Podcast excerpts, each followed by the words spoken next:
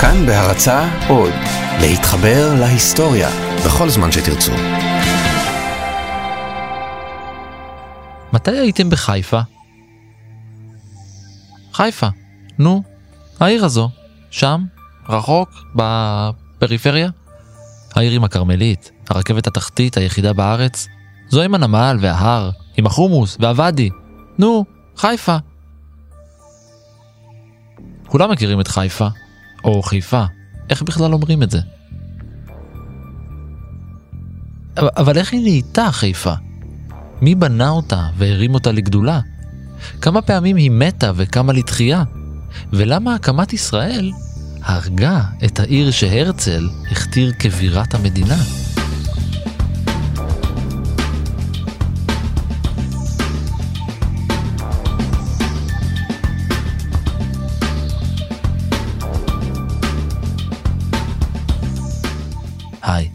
אני ערן מנהר ואתם על מנהר הזמן.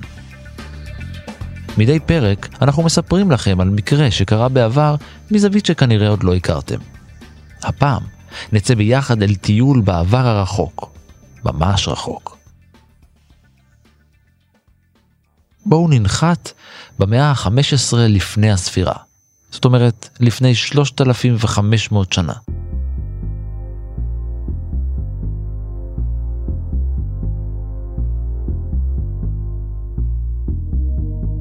בני האדם כבר יודעים לעבוד יפה מאוד עם ברונזה, זו הסיבה שהתקופה הזו נקראת תקופת הברונזה המאוחרת, ובחלק הצפוני של חוף הים התיכון, קצת לפני מפרץ חיפה, מוקמת נקודת התיישבות.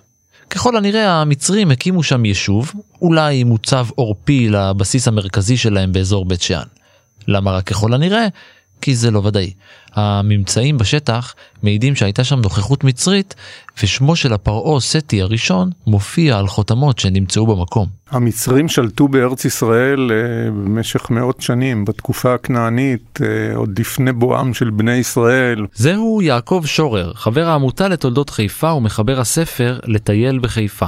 הם שלטו בבית שאן לדוגמה, הם שלטו בעיקר על דרכי המעבר החשובות שעברו דרך ארץ ישראל ממצרים לכיוון מה שנקרא מסופוטמיה, היום עיראק, ארצות אה, הפרת והחידקל, וגם לכיוון לבנון וצפון סוריה. אז uh, חיפה, כיוון שהיא ישבה על ציר של החוף, אז הם אה, שלטו בשקמונה ובמקום נוסף שנקרא צלמונה, שתי ערים שהיו באזור של חיפה, ב, ב, בשטח המוניציפלי של חיפה של היום, אבל אה, אחת הייתה מדרום לשקמונה, במבואות הדרומיים, ואחת הייתה, צלמונה הייתה בשפך של הקישון, על יד אה, מה שהיום גשר פז, באזור, לא נשאר שום דבר מהשרידים שלה, כי הכל שם נבנה ונמחק כמעט כליל. אבל הם שלטו גם בעכו, והם שלטו, ב... בקיצור, הם שלטו בהרבה מקומות במשך אה, תקופות ממושכות. בכל מקרה, התושבים שם עסקו בסחר ימי. הם קיבלו סחורות מהים, יצאו להפלגות, ושימרו קשרים עם התושבים של קפריסין, כרתים, יוון ומצרים. כתוצאה מכלכלה בריאה, הם הרשו לעצמם לעסוק בחקלאות וקיימו את עצמם בסבבה. פנן. לא רחוק משם, מתעמר קצהו של ההר כרמל, שנדחף על ידי חצי האי ערב ובולט אל הים התיכון. המצרים ייחסו לו כוחות מיסטיים וכינו אותו ראש קודש. מבחינתם, חוץ ממוצב, היישוב שהוקם ממש למרגלותיו היה אתר פולחן. זו הייתה תחילתו של היישוב שאנחנו מכירים היום בשם חיפה. אבל אז שמו של המקום היה שקמונה. כנראה על שמו של עץ, אולי שקמה ואולי על שם סיקמינה, הפרי של עץ התות השחור שהגיע מאזור איראן. בערבית נקרא המקום תל הדגים. למה ערבית? תכף נגיע לזה. 200 שנה חלפו, והכנענים שהתיישבו במקום נעלמו. אם תשאלו ארכיאולוגים, הם לא ידעו להגיד לכם למה. ככה. והמקום נותר שומם עד שהגיעו אליו הפיניקים. אבל אל תתרגלו אליהם, כי גם היישוב שלהם חרב די מהר. משהו עם שבטי ישראל, כיבושי דוד וכזה. אז כבר למדו בני האדם להתעסק עם מתכות יותר מתוחכמות מברונזה, ברזל למשל. וכיאה לשמה, העיר שוקמה מחדש.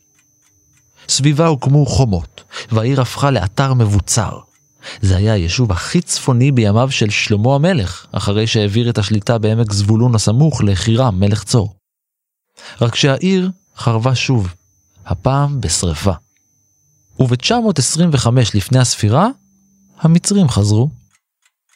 אחרי שהמקום שוב שוקם, הוא שגשג עוד 200 שנה גג, ואז, ניחשתם נכון, הוא שוב חרב. זה קרה ב-738 לפני הספירה. וההיסטוריה כבר עמדה להיפרד מהרעיון של חיפה לעד. אבל האשורים שלחו למקום אוניות סוחר, והמקום שוב שוקם. אתם מתחילים להבין למה קוראים למקום שקמונה, כן? החשמונאים הקימו במקום מצודה.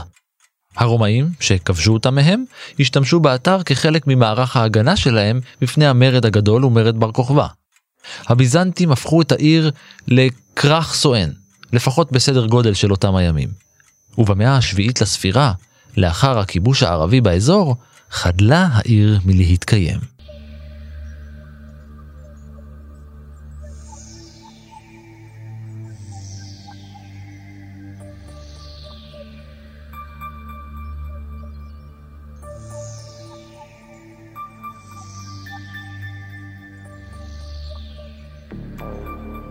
קילומטרים בודדים מזרחה, על קו החוף, לא רחוק משם.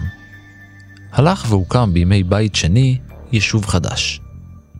אולי הגיעו לשם פליטים משקמונה, אולי פיניקים, ואולי תושבים אחרים, זה לא ברור. באותו אזור שאתה מדבר עליו, כנראה בשול... מה... האזור שהיום, אה, נגיד, מבואות בת גלים, אזור, הת... אזור פחות או יותר של תחנת אגד הקודמת, אני לא אומר הראשונה, שהיום יש שם גם כמה בתי קברות באזור הזה.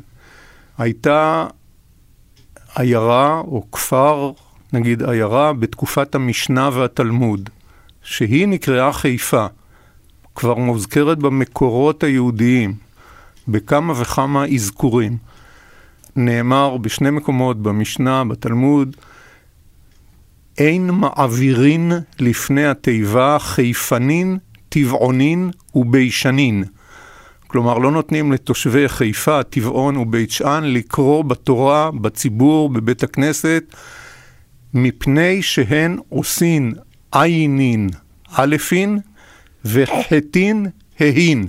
יענו, הם לא יודעים לבטא את האותיות הגרוניות, במקום עין יוצא להם א', כמו לכל הבוזבוזים.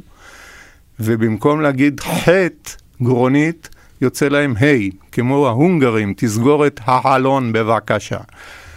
עכשיו, למה זה כל כך נורא? במקום אחר גם מוסבר מה, מה האסון הגדול, למה לא נותנים להם אה, לקרוא בתורה.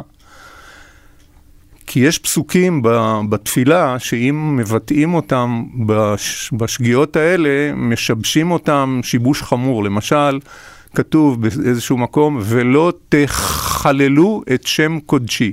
אז הם יגידו, ולא תהללו את שם קודשי. אז מה אנחנו לומדים מתוך הפתגם הזה, או מתוך הפסוק הזה, לא תעב, אין מעבירין לפני התיבה? שבמרחב שמשתרע בין אה, חיפה, דרך טבעון, עד בית שאן, זאת אומרת אזור העמקים או הגליל התחתון ועמק אה, יזרעאל, עמק בית שאן, היה כנראה דיאלקט מקומי שבו היו שגיאות כאלה. אם אנחנו מסתכלים על המפה של חיפה, אז המרחב הגדול ביותר, המישורי, בין מורדות הכרמל לבין שפת הים, זה חצי האי שבקצהו נמצאת בת גלים.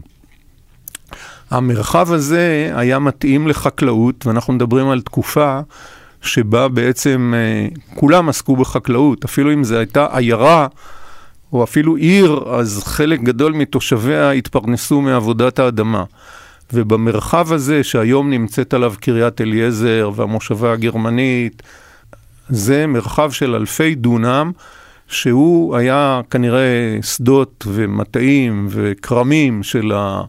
חקלאים של ימי המשנה והתלמוד, ועוד ראיה לכך שהשם של הקצה של חצי האי הזה, הקצה הצפוני, שהיום יושבת עליו, אה, יושב עליו בית חולים רמב"ם, נקרא בערבית עד המאה ה-19 רס אל קרום, זאת אומרת ראש הכרמים. התלמוד מספר שבסביבות המאה השלישית חיו בכפר הדייגים הקטן הזה דמויות מכובדות כמו רבי אבדימוס ומלומדים נוספים. חיפה של תקופת המשנה והתלמוד, אנחנו יודעים עליה, א', איפה היא הייתה באזור הזה שדיברנו. את זה אנחנו יודעים כי מצאו כמה מערכות קברים שנמצאות, אחת מהן לפחות אפשר לגשת ולראות, והיא קברים של יהודים עם מנורות ועם אה, סימנים יהודיים. מאותה תקופה. זה אגב התקופה שבבית שערים היו המערכות המפורסמות של אה, בית שערים.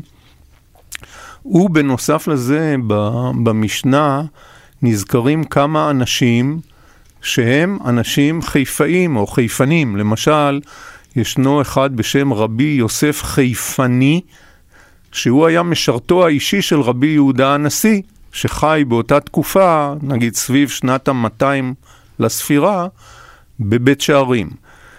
וישנו יהודי אחר, יותר מפורסם ממנו, רבי אבדימי דמין חיפה, שהקבר שלו, לפחות ציון קברו, נמצא בבית הקברות היהודי ברחוב יפו, שם זה אתר של עלייה לרגל נכון להיום, כי הוא נחשב לצדיק ו...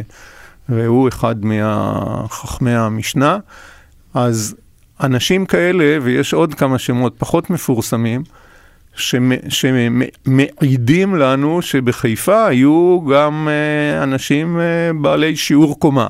תכלת וארגמן היו, היו צבעים שהיו צובעים את הטוגות או את, ה, את הגלימות, את, ה, את מעטה הגוף, עוד בתקופה הרומית, אולי בתקופה ההלניסטית כבר, ויש אה, דעה או השערה או סיפור שראשית ההמצאה הזאת הייתה במרחב איפשהו בין חיפה לבין עכו.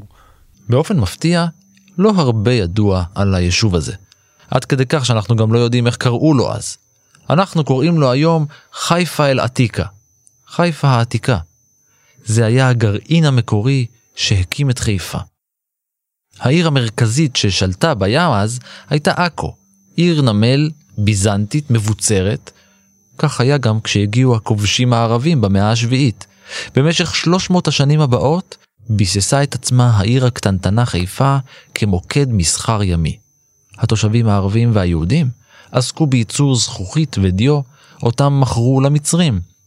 בכל מקרה, עכו הגדולה הטילה את צילה, וחיפה לא פרצה את גבולותיה הקטנים. בתוך חיפה באותה עת הייתה, שהיא הייתה עיר מוקפת בחומות, חיו באחווה, הייתי אומר, יהודים ומוסלמים, ערבים. הצלבנים הגיעו בדיוק בשנת 1100, והם חלפו על פני חיפה, אבל אחר כך הם חזרו וכבשו אותה. וכשהצלבנים באו, הם עשו מצור על חיפה.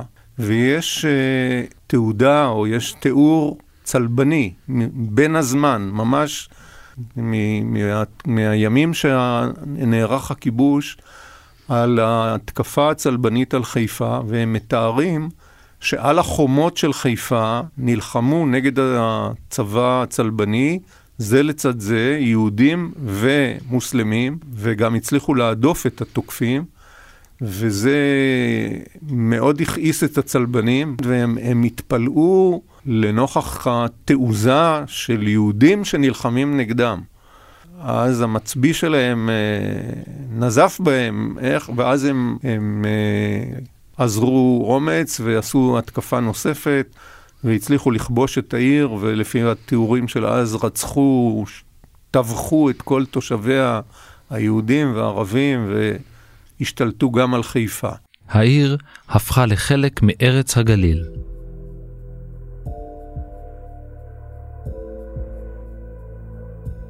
הכל השתנה ב-1761. אז נהרס סופית היישוב השלו ופינה את מקומו לטובת חיפה המודרנית. בחיפה העתיקה נשארה מערכת מערות קבורה מסועפת, אתם יכולים לראות אותה לא רחוק מבית הקברות הבריטי. מי שהחליט כי חיפה אל עתיקה עתיקה מדי והרס את כולה, היה דהר אל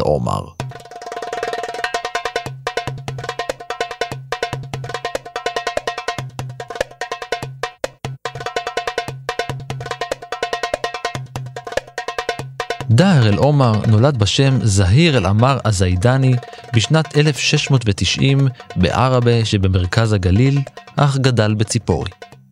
הוא היה בנו הרביעי של השייח הבדואי עומר אל זיידני, מושל מחוז צפת בחבל הארץ הנידח פלסטינה.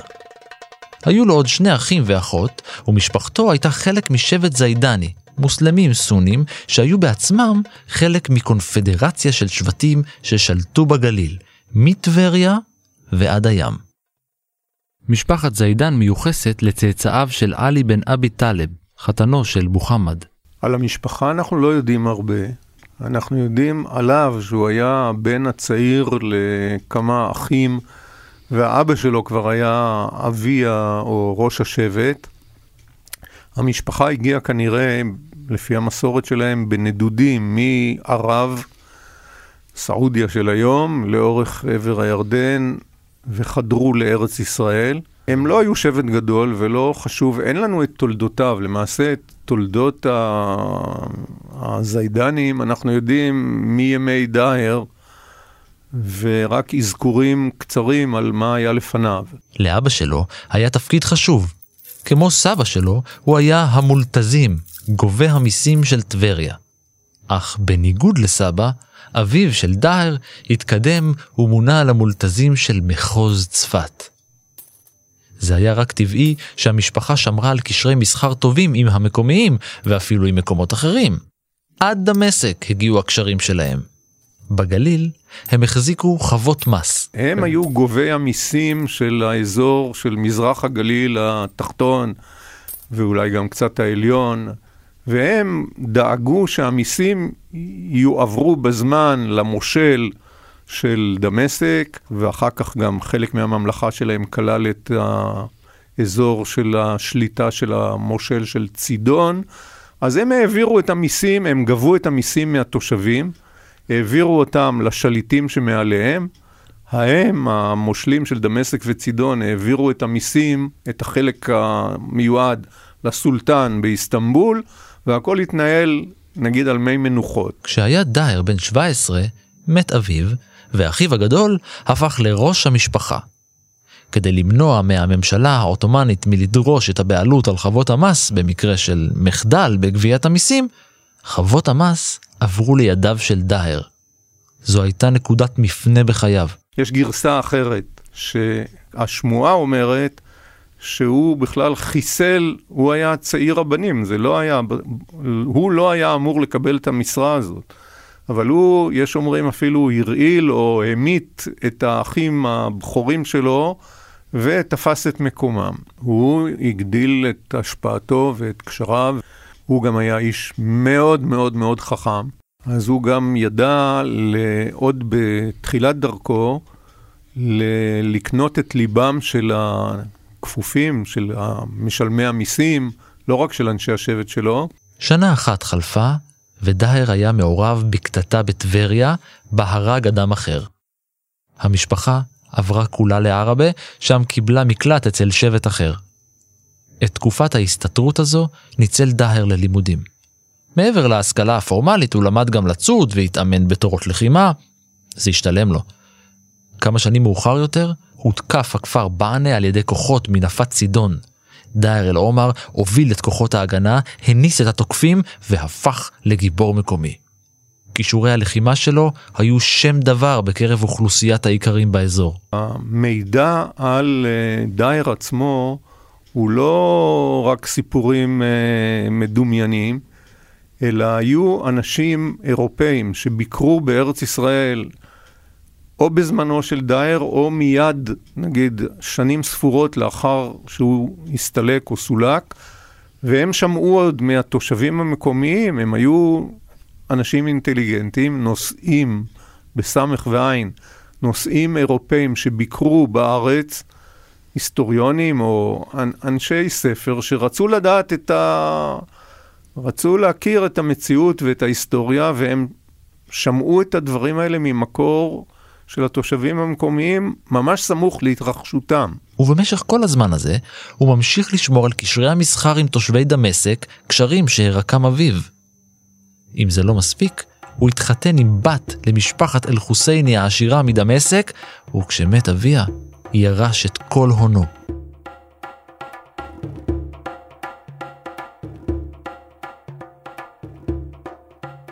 בסוף שנות ה-20, אנחנו מדברים על המאה ה-18, כן? השתלט דהר על טבריה ועל חוות המס שלה, והפך את העיר למקום משכנו. הוא המשיך והרחיב את שלטונו כשכבש את נצרת, אבו סנאן, תרשיחא ועוד מקומות בגליל, והוא החל לפלוש לעמק יזרעאל.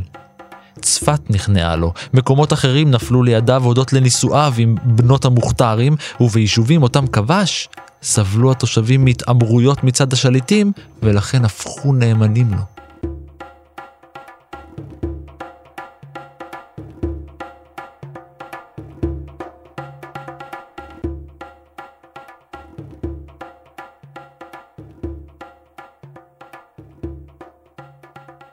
דאער ברוב חוכמתו הבין שיהודים זה עם עם אה, שכל ועם קשרים. ומומחים במסחר ובשתדלנות וכולי, ואז הוא פנה לרב אה, חיים אבולעפיה, שהיה ראש הקהילה של יהודים באזמיר בטורקיה, והזמין אותו לבוא לטבריה, לחדש את היישוב היהודי בטבריה, והבטיח לו וגם קיים, בנה דאהר בנה עבור היהודים שבאו, בא כי הגיע חיים אבולעפיה עם תלמידיו, חסידיו, תומכיו, הגיעו לטבריה ודאהר בנה עבורם אה, שווקים ובית מרחץ ובית כנסת ומבני ציבור ובבת אחת המעמד של היהודים בטבריה עלה. ועד כדי כך שיהודים ממקומות אחרים בגליל ובארץ, ואחר כך אפילו מחו"ל, ביקשו ובאו לגור בטבריה. יש מקורות יהודיים שמדברים על כך שחלק מיהודי צפת ירדו להתגורר בטבריה. חידוש היישוב היהודי בטבריה, שם ישבה בעבר הסנהדרין, אותת לשאר יושבי הגולה כי הגאולה קרבה. ידוע על מה שנקרא שליחי דרבנן, שדרים, שנשלחו מטבריה לארצות כמו איטליה או ארצות הים התיכון, כדי לאסוף כספים עבור אה, שגשוגה של הקהילה היהודית בטבריה, ממש כמו, אני משווה את זה לשליחי סוכנות או שליחי קק"ל או שליחי המגבית היהודית, ש... שיצאו ממדינת ישראל, בעיקר בשנותיה הראשונות ועד לא מזמן, והתרימו את היהודים בתפוצות לטובת פרויקטים בארץ. אז ככה, הוא, ככה עשו יהודי טבריה, ומעמדם כמובן הרקיע. בינתיים נמשכו הכיבושים. אחיו של דהר כבש את דיר חנה ואת שפרעם, ועכשיו, מהגליל המערבי, כבר אפשר היה לראות את הים. ואת הכרמל, ודאר כבר רצה להגיע אל המים.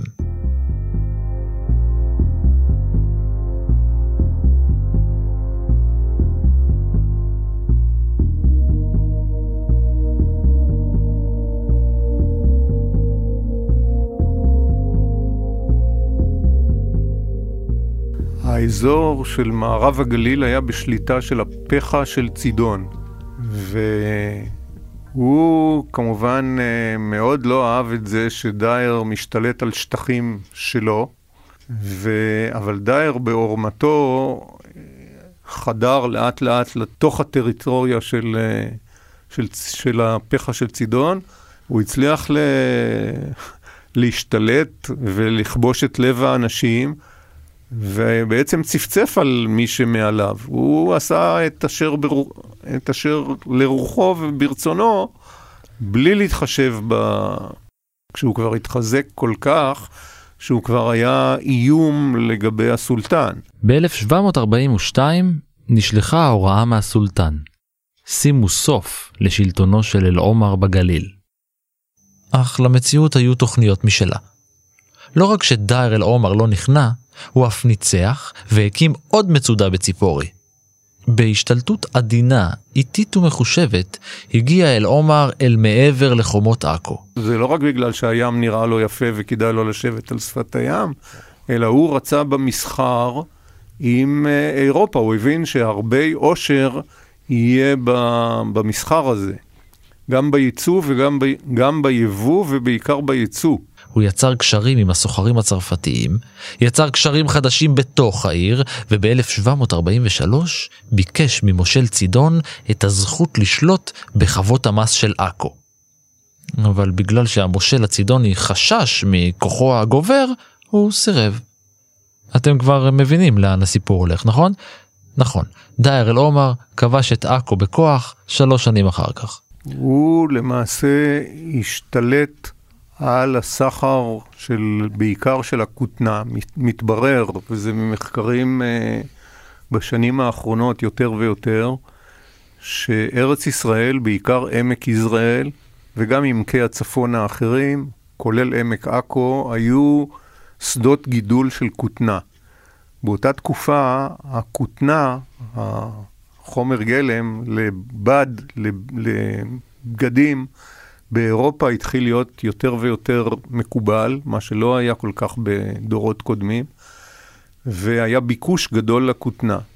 אז פה בארץ גידלו כותנה, ייצאו אותה דרך נמל עכו לאירופה, ומי שעשה את כל המסחר הזה היו הסוחרים צרפתיים, שישבו בעכו והם קבעו את המחירים, הם קבעו את המחירים למגדלים, הם קבעו את המחירים לצרכנים באירופה. ודייר הצליח, שוב, בערמומיות ובכוח, לקחת מהם את, ה, את המונופול על המסחר. והוא קבע כבר עכשיו מה, יהיה, מה יהיו המחירים, ובעצם גזל מהם את, ה, את הבכורה. הם המשיכו לתפקד, אבל הוא היה, הוא קבע את, ה, את הכל. וכמובן שמרבית הכסף נכנסה בסוף לאוצרו ולא לא אליהם.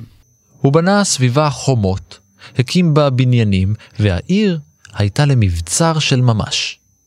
מול חומותיה עגנו ספינות קטנות, אבל בגלל שבמשך מאות שנים הנמל לא עבר שיפוצים, ספינות גדולות היו נאלצות לעגון מצידו השני של המפרץ.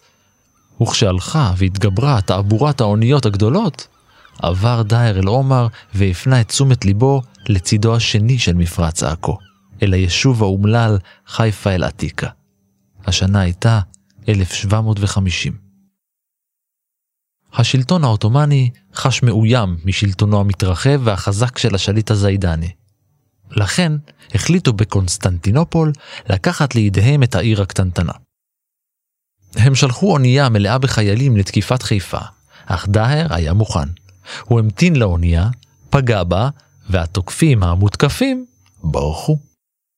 זה היה אירוע רב משמעות בתולדות העיר. הפחה של צידון ניסה, הוא ניסה כמה פעמים לכבוש את עכו בחזרה מידיו של דייר. אחרי שהוא ניסה כמה ניסיונות לבוא מצפון, כי צידון הרי נמצאת מצפון לעכו, הוא לא הצליח, ואז הוא ניסה לבוא מדרום, מכיוון חיפה, או אולי אפילו מחוף הכרמל, ולהתקדם ולהפתיע את דייר בחדירה מדרום.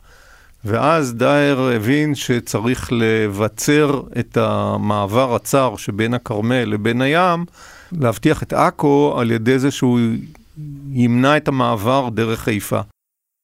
אבל ישנה סיבה שהיא אולי לא כתובה עדיין בספרים, אבל היא הרבה יותר כנראה משמעותית, וזה כל הסיפור עם שודדי הים.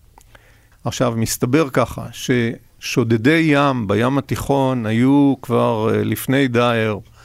דאהר קיים קשרים עם שודדי הים. שודדי ים ששתים בים, ראשית כל הם צריכים תמיד נמל כדי לעגון, לנוח, להצטייד במזון, במים, להחליף כוח, אה, גם אה, להשתמש בכוח גברא שלהם מול נשים על החוף. בקיצור, הם צריכים איזה נמל מבטחים. בתוך הנמל של עכו הם לא היו יכולים לעשות את זה, כי זה נמל הממלכה, זה נמל שבו מתקיים כל ה... זה ה, נגיד הפרצוף של, ה, של ממלכת דאהר כלפי אירופה, שם באים סוחרים אירופאים, אוניות, מסחר אה, רסמי והגון והכול. אז אי אפשר שם שיסתובבו שם אותם השודדים עם כל המעללים שלהם. ואז הוא אפשר לשודדי הים להשתמש במעגן של חיפה, עוד לא היה נמל ממש בחיפה, אבל להשתמש במעגן של חיפה, לבוא עם האוניות שלהם, לנוח, להחליף כוח, אבל דבר לא פחות חשוב מזה, שודדי ים, הרי הם שודדים בים גם סחורות וגם כסף של הסוחרים. את, הסוח... את הסחורות שהם שודדים בים הם צריכים למכור למישהו, וגם את זה הם לא יכולים לעשות בעכו. ב-1769 הרס שליט עכו והגליל את כל חיפה אל עתיקה ובנה אותה מחדש במיקום אחר, בין כיכר פריז וכיכר פייסל של היום. הוא הקיף אותה חומות מבוצרות, ובכל צד, ממערב וממזרח, קבע בה שער. שער עכו, המוביל אל העיר הצפונית, ושער יפו, ממנו נמתחה דרך עד למרכז הארץ. דרך שנקראת עד היום דרך יפו. שרידים של השער המזרחי קיימים גם היום. כדי להקים את חיפה במקום האידיאלי מבחינתו, הוא בחר במקום הצר ביותר שבין הכרמל לבין הים, שזה האזור של העיר התחתית, נגיד מגדל, מגדל הטיל, אזור לב העיר התחתית של היום. הוא בחר במקום הזה ובנה שם עיר שהיא אה, מוקפת בחומות, והוא עשה את זה, א', שכל מי שבא מדרום, נגיד מאזור אה, יפו, חייב לעבור בתוך העיר הזאת. מי שעובר בתוך העיר הזאת היה משלם אגרה, אז יש לו עוד מקור הכנסה, כי הוא נכנס בשער יפו ויוצא בשער עכו ומשלם דמי מעבר. במעלה ההר, מעל העיר השלווה, הקים אל עומר מצודה שהגנה על אוניות נכנסות מפני פיראטים. היא נקראה בורג' הסלאם, מצודת השלום. הדרך המובילה אליה נקראה במשך שנים ארוכות דרך הבורג', עד ששונתה ב-1948 למעלה השחרור. ליד הנמל הקים את בית הממשל והמכס. דבר שני, העיר, יחד עם המצודה שהוא בנה מעליה, בורג' סלאם, לא מאפשרת לצבא פולש, נגיד, שיבוא מדרום לכיוון עכו. ודבר שלישי, המעגן של העיר הזאת שימש, כמו שאמרתי, את השודדי ים האלה. שילוב של שלושת הדברים האלה, הוא בחר במקום הזה שהוא גם יותר מוגן מסערות. שתי המצודות האלה הונצחו עד היום בסמלה של העיר חיפה. בשנות ה-50 הרסה עיריית חיפה כל זכר לבורג' הסלאם והקימה עליו את גן הזיכרון.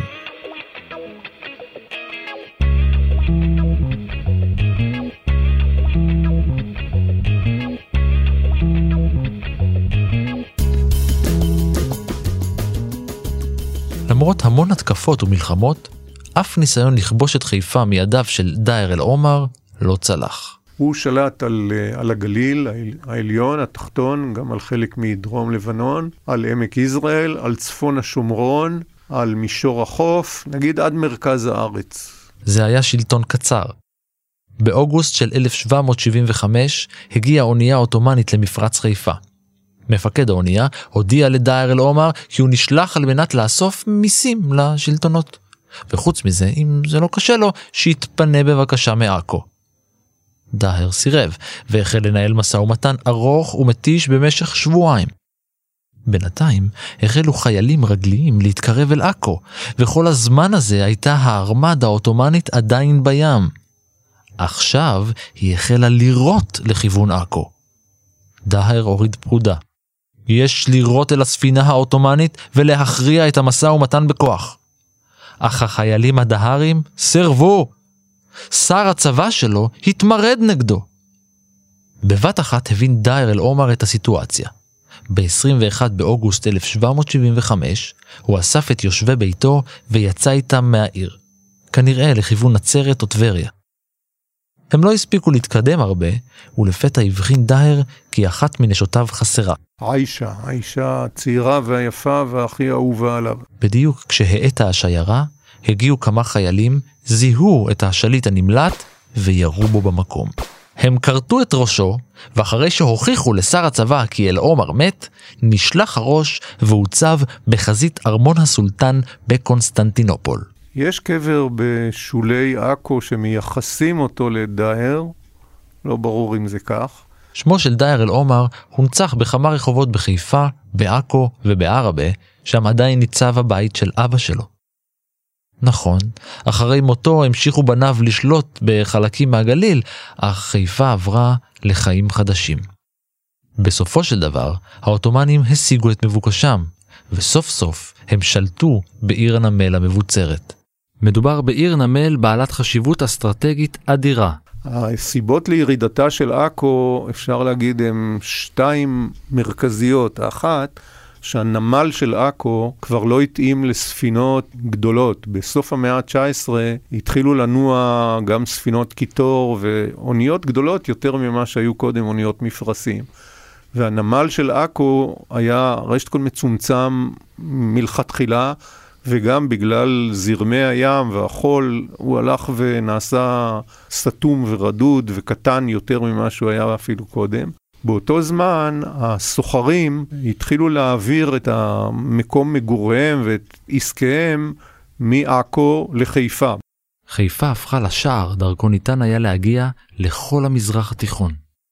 לא פלא שכל כך הרבה רצו לשלוט בה.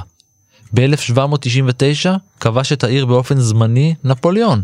הוא נסוג ממנה עוד באותה השנה. 30 שנה לאחר מכן נפלה העיר תחת שלטונו של מוחמד עלי המצרי, לאחר שבנו אברהים פאשה הביס את העות'מאנים. אלה היו השנים בהן אוכלוסיית חיפה גדלה וגדלה, בעוד זו של עכו הלכה והצטמצמה עקב הגירה לעיר הנמל המצרית. ב-1840 הגיעו הבריטים. אבל הם עזבו מהר. אחרי שהביסו את המצרים, החזירו את השליטה בחיפה לעות'מאנים. אנחנו עוד נחזור אליהם, הם עוד יחזרו אלינו. ב-1868 הגיעו הטמפלרים, שהקימו מחוץ לחומות העיר את מה שמוכר עד היום כמושבה הגרמנית. זו הייתה נקודת מפנה נוספת בחייה של העיר. הם בנו תחנת כוח, הקימו מפעלים וחנכו קווי מסחר עם עכו, נצרת וטבריה. העיר הפכה מודרנית כמעט בן רגע. זו הייתה גם התקופה בה נולדה הדת הבהאית. הסיפור של הבהאים מתחיל אה, בפרס, באיראן, ב-1844. הופיע שם אה, מוסלמי בשם אה, מירזה, נדמה לי, שקיבל את הכינוי בב, והביא אמונה חדשה. הוא לא קורא לזה דת חדשה, אבל תפיסה חדשה לגבי, ה, לגבי האסלאם. מופיע אה, אה, בהאולה, בהאללה, בהאולה, שהוא הממשיך של דרכו של הבאב, והוא מגיע לעכו, מוחזק במעצר או במאסר, וברבות השנים, כשהוא שם, הוא גם מגיע לבקר, ב... נתנו לו לצאת מה... מהמאסר, והוא מגיע למרגלות הכרמל, למקום שהיום נמצאת כיפת הזהב. הוא אומר לחסידיו שיביאו לכאן את עצמותיו של הבאב. באותו הזמן הוקמה מחוץ לחומות עוד שכונה, ארד אל יהוד, אדמת היהודים, ממש מול תחנת הרכבת חיפה מזרח וליד בית הקברות של העיר. בסוף המאה ה-19 הגיע לביקור בעיר המתפתחת הקיסר הגרמני וילהלם השני. הוא עגן במזח חדש שהוקם בנמל. בנימין זאב הרצל, ששהה בארץ כיוון שהגיע לפגוש את הקיסר, שמע על העיר המודרנית והמתקדמת חיפה. הוא כל כך התרשם, שהחליט לכתוב עליה ספר. הוא בנה את העלילה לספרו האוטופי אלט נוילנד, בו הוא חזה את הקמת ישראל סביב חיפה, אותה הכתיר כבירת המדינה. כשהקימו את שכונת הרצליה, זה היה שנים ספורות לאחר מותו של הרצל, התושבים הציונים, היהודים האלה שבאו לחיפה והקימו את השכונה הראשונה העברית בחיפה, רצו לקרוא לה בשם תל אביב. כי תל אביב זה השם שכשתרגם אותה סוקולוב לעברית, הוא קרא לשם, לספר אלטנוילנד בשם תל אביב. רצו לקרוא לה תל אביב, אלא מה? שחודשים ספורים לפניהם הקימו על יד יפו את השכונה שקראו לה שם תל אביב. אז הם לא יכלו לקרוא לה תל אביב, אז הם קראו לה לחילופין בשם הרצליה. בסוף 1912 היו בשכונה 122 בתים בנויים ברחוב שנקרא עד היום רחוב הרצליה. זה היה הבסיס לשכונת הדר הכרמל. העיר הפכה למוקד בינלאומי של תחבורה וסחר. בעיר עברו שתי מסילות ברזל, שחיברו בין כל רחבי המזרח התיכון, ממצרים ועד טורקיה, מיפו ועד דמשק ומירושלים ועד מדינה. חיפה הייתה מקום המפגש של שתי מסילות, רכבת העמק והרכבת החיג'אזית. הרכבת החיג'אזית חיברה בין מדינה, דמשק וחיפה דרך האזור חיג'אז שבערב הסעודית. זו הייתה מערכת הרכבות הראשית של האימפריה הטורקית ועורק החיים שלה לאורך המדבר. המסילה הוקמה בשנת 1900 בהוראת הסולטן והיא תוכננה להמשיך עד העיר מכה על מנת להוביל צליינים לעיר הקודש. זו הייתה הסיבה הרשמית. תכלס, הוא רצה לחזק את שליטת האימפריה בפרובינציה הרחוקה ביותר שלה. אך הרכבת הגיעה רק עד מדינה, 400 קילומטר מהיעד, כי כשפרצה מלחמת העולם הראשונה, נעצרה סלילת הקו לחלוטין, וכשהתקוממו הערבים נגד הטורקים, בהנהגתו של טי.אי לורנס הבריטי, הלא הוא לורנס איש ערב, הרכבת הפכה למטרה העיקרית. כיום, חלקים נרחבים של המסילה שוכבים נטושים במדבר וגם בארץ. הרכבת גרמה לצמיחת הנמל, שהוביל לצמיחת המסחר, שהובילה לצמיחת שטחה של העיר. חיפה הפכה למרכז המסחרי של הגליל כולו. ובגלל שרוב שטחה של פלסטינה טרם יושב, היא הייתה למרכזה הכלכלי. בראשית המאה ה-20 הקימו את בית הספר הריאלי, שעכשיו מלאו לו איזה מאה שנה. הטכניון העברי כמובן, שהיה מוסד ההשכלה הראשון, ההשכלה הגבוהה הראשון בארץ, עוד לפני האוניברסיטה העברית. אלה בראש הרשימה. אחר כך, עם בואם של היקים בשנות ה-30, הקימו עשרות מפעלי תעשייה, חלקם אה, בתי מלאכה ומפעלים קטנים, אבל חלקם מפעלים, מפעלי ענק של אה, ההסתדרות בחיפה, במפרץ חיפה. עד מלחמת העולם הראשונה חיו בחיפה כ-20 אלף תושבים, והיא הייתה לעיר הרביעית בגודלה בארץ. בסתיו של 1918 נכבשו הנמל והעיר על ידי הבריטים, ועידן חדש החל, המנדט הבריטי בארץ ישראל. בשבילם חיפה הייתה א', בירת כל הצפון, ב', פתח לכל המזרח הקרוב ואפילו למזרח הרחוק. נוסף על זאת, שליטה על המרחב משמעותה שליטה על תעלת סואץ, והקמת נמל לצי המלכותי בחיפה תעשה את העבודה. העיר רק הלכה ושגשגה. הבריטים הניחו קו צינורות נפט מעיראק ועד לעיר והקימו את בתי הזיקוק. עד שנות ה-30 כבר הייתה חיפה גדולה יותר מתל אביב. הייתה גם בנייה וגם קליטה של, אה, של עולים. אני חושב שבאותם שנים, יחסית למס... לגודלה, חיפה קלטה אה, הכי הרבה עולים. הנמל שימש מקור פרנסה ליהודים רבים, אשר התיישבו בעיר והקימו את קריית עמל, את טבעון ואת הקריות. העיר הייתה בעצם מורכבת משני יישובים, העיר התחתית והדר. המרכז היה מאוכלס ברובו בערבים, ואילו הדר התפתחה כעיר עברית בהשראת תל אביב. בשנת 37, אחרי פרסום מסקנות ועדת פיל, הוקמה ועדה מיוחדת לענייני חיפה, שקבעה כי בחיפה יש יותר יהודים מערבים. במהלך מלחמת העולם השנייה, הייתה חיפה מרכז המטרות של מדינות הציר, הנפט הבריטי היה חשוב יותר מהכל, והעיר הופגזה מהאוויר עשר פעמים, יותר מכל עיר אחרת בארץ. אבל כמו מי שהקים אותה, גם את המלחמה הזו שרדה חיפה. היא התחזקה וגדלה עוד אחרי המלחמה, ועד סיום המנדט חיו בה כמאה אלף איש. ב-48 היו בערך 140-150 אלף תושבים בחיפה, בערך מחציתם ערבים ומחצית או קצת יותר יהודים. אמנם ב-15 במאי מדינת ישראל קמה וכאילו השלטון הבריטי נגמר, אבל בעצם בחיפה המשיך שלטון בריטי על אזור הנמל, על אזור סטלה מאריס, עם מסדרונות ביניהם, ועוד מסדרון מעניין מחיפה לכיוון שדה התעופה רמת דוד. הם עזבו את חיפה כמקום אחרון כי חלק גדול מהפינוי נעשה דרך הים, ולכן... במובנים מסוימים, הקמת המדינה הייתה אסון לחיפה. עם הסתלקותם של הבריטים נסגרו הגבולות בין ישראל והמזרח התיכון, מסילות הברזל נותרו שוממות, והמסחר עם המרחב הערבי פסק לחלוטין. חיפה הייתה צריכה להמציא את עצמה מחדש. אך הנסיבות לא שיתפו פעולה. כיוון שהמטוסים כבר היו נפוצים ושייט כבר לא היה הדרך המובילה לנוע בין ארצות, נמל חיפה הפך פחות חשוב.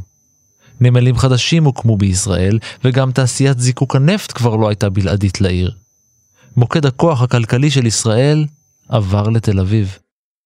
מפעלים נסגרו, משרדים הועברו, תושבים עזבו. חיפה הפכה לפריפריה. ההשלכות היו מרחיקות לכת. התיירות התמעטה, כיוון שאוניות טיולים העדיפו לעגון באשדוד, דרך קצרה יותר למרכז הארץ. התיירות של הבהאים כמעט שנעלמה לגמרי לאחר המהפכה באיראן, ושדה התעופה הקטן של העיר לא יכול להביא תיירים מחו"ל. הכלכלה החיפאית ספגה מכה אנושה. צעירי העיר החלו לנטוש אותה בהמוניהם. רק בשנים האחרונות עושה העירייה פעולות לשינוי המצב. ימים יגידו.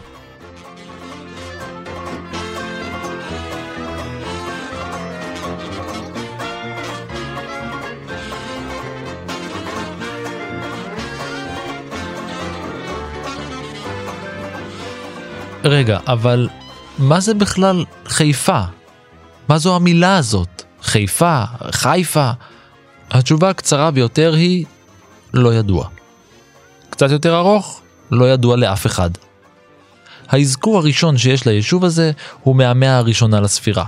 אז הוקם מבצר רומי ויישוב יהודי קטן בשם אפה.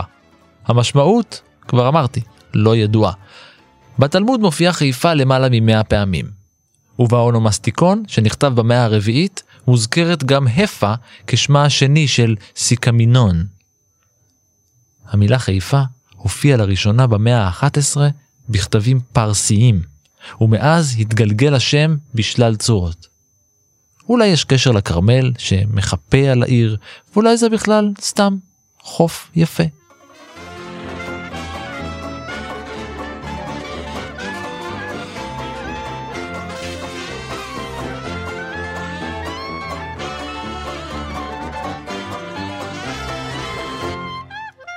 ועד כאן מנהר הזמן להפעם. תודה ליעקב שורר, תודה גם לאור מנהר על ההפקה, לניר גורלי על העריכה, ולטכנאי רובי אוסנהולץ. אתם יכולים גם לעקוב אחריי בטוויטר או בפייסבוק, להציע רעיונות, להגיב ובכלל, להתחבר. סיפורים אחרים מההיסטוריה ופרקים נוספים ניתן למצוא באתר של כאן ובאפליקציות הפודקאסטים השונות. אם יש לכם ילדים, תוכלו לשמוע שם למשל את הפודקאסט המעולה היסטוריה לילדים עם יובל מלכי. היסטוריה גדולה לקטנים. אני ערן מנהר, נשוב וניפגש בפרק הבא.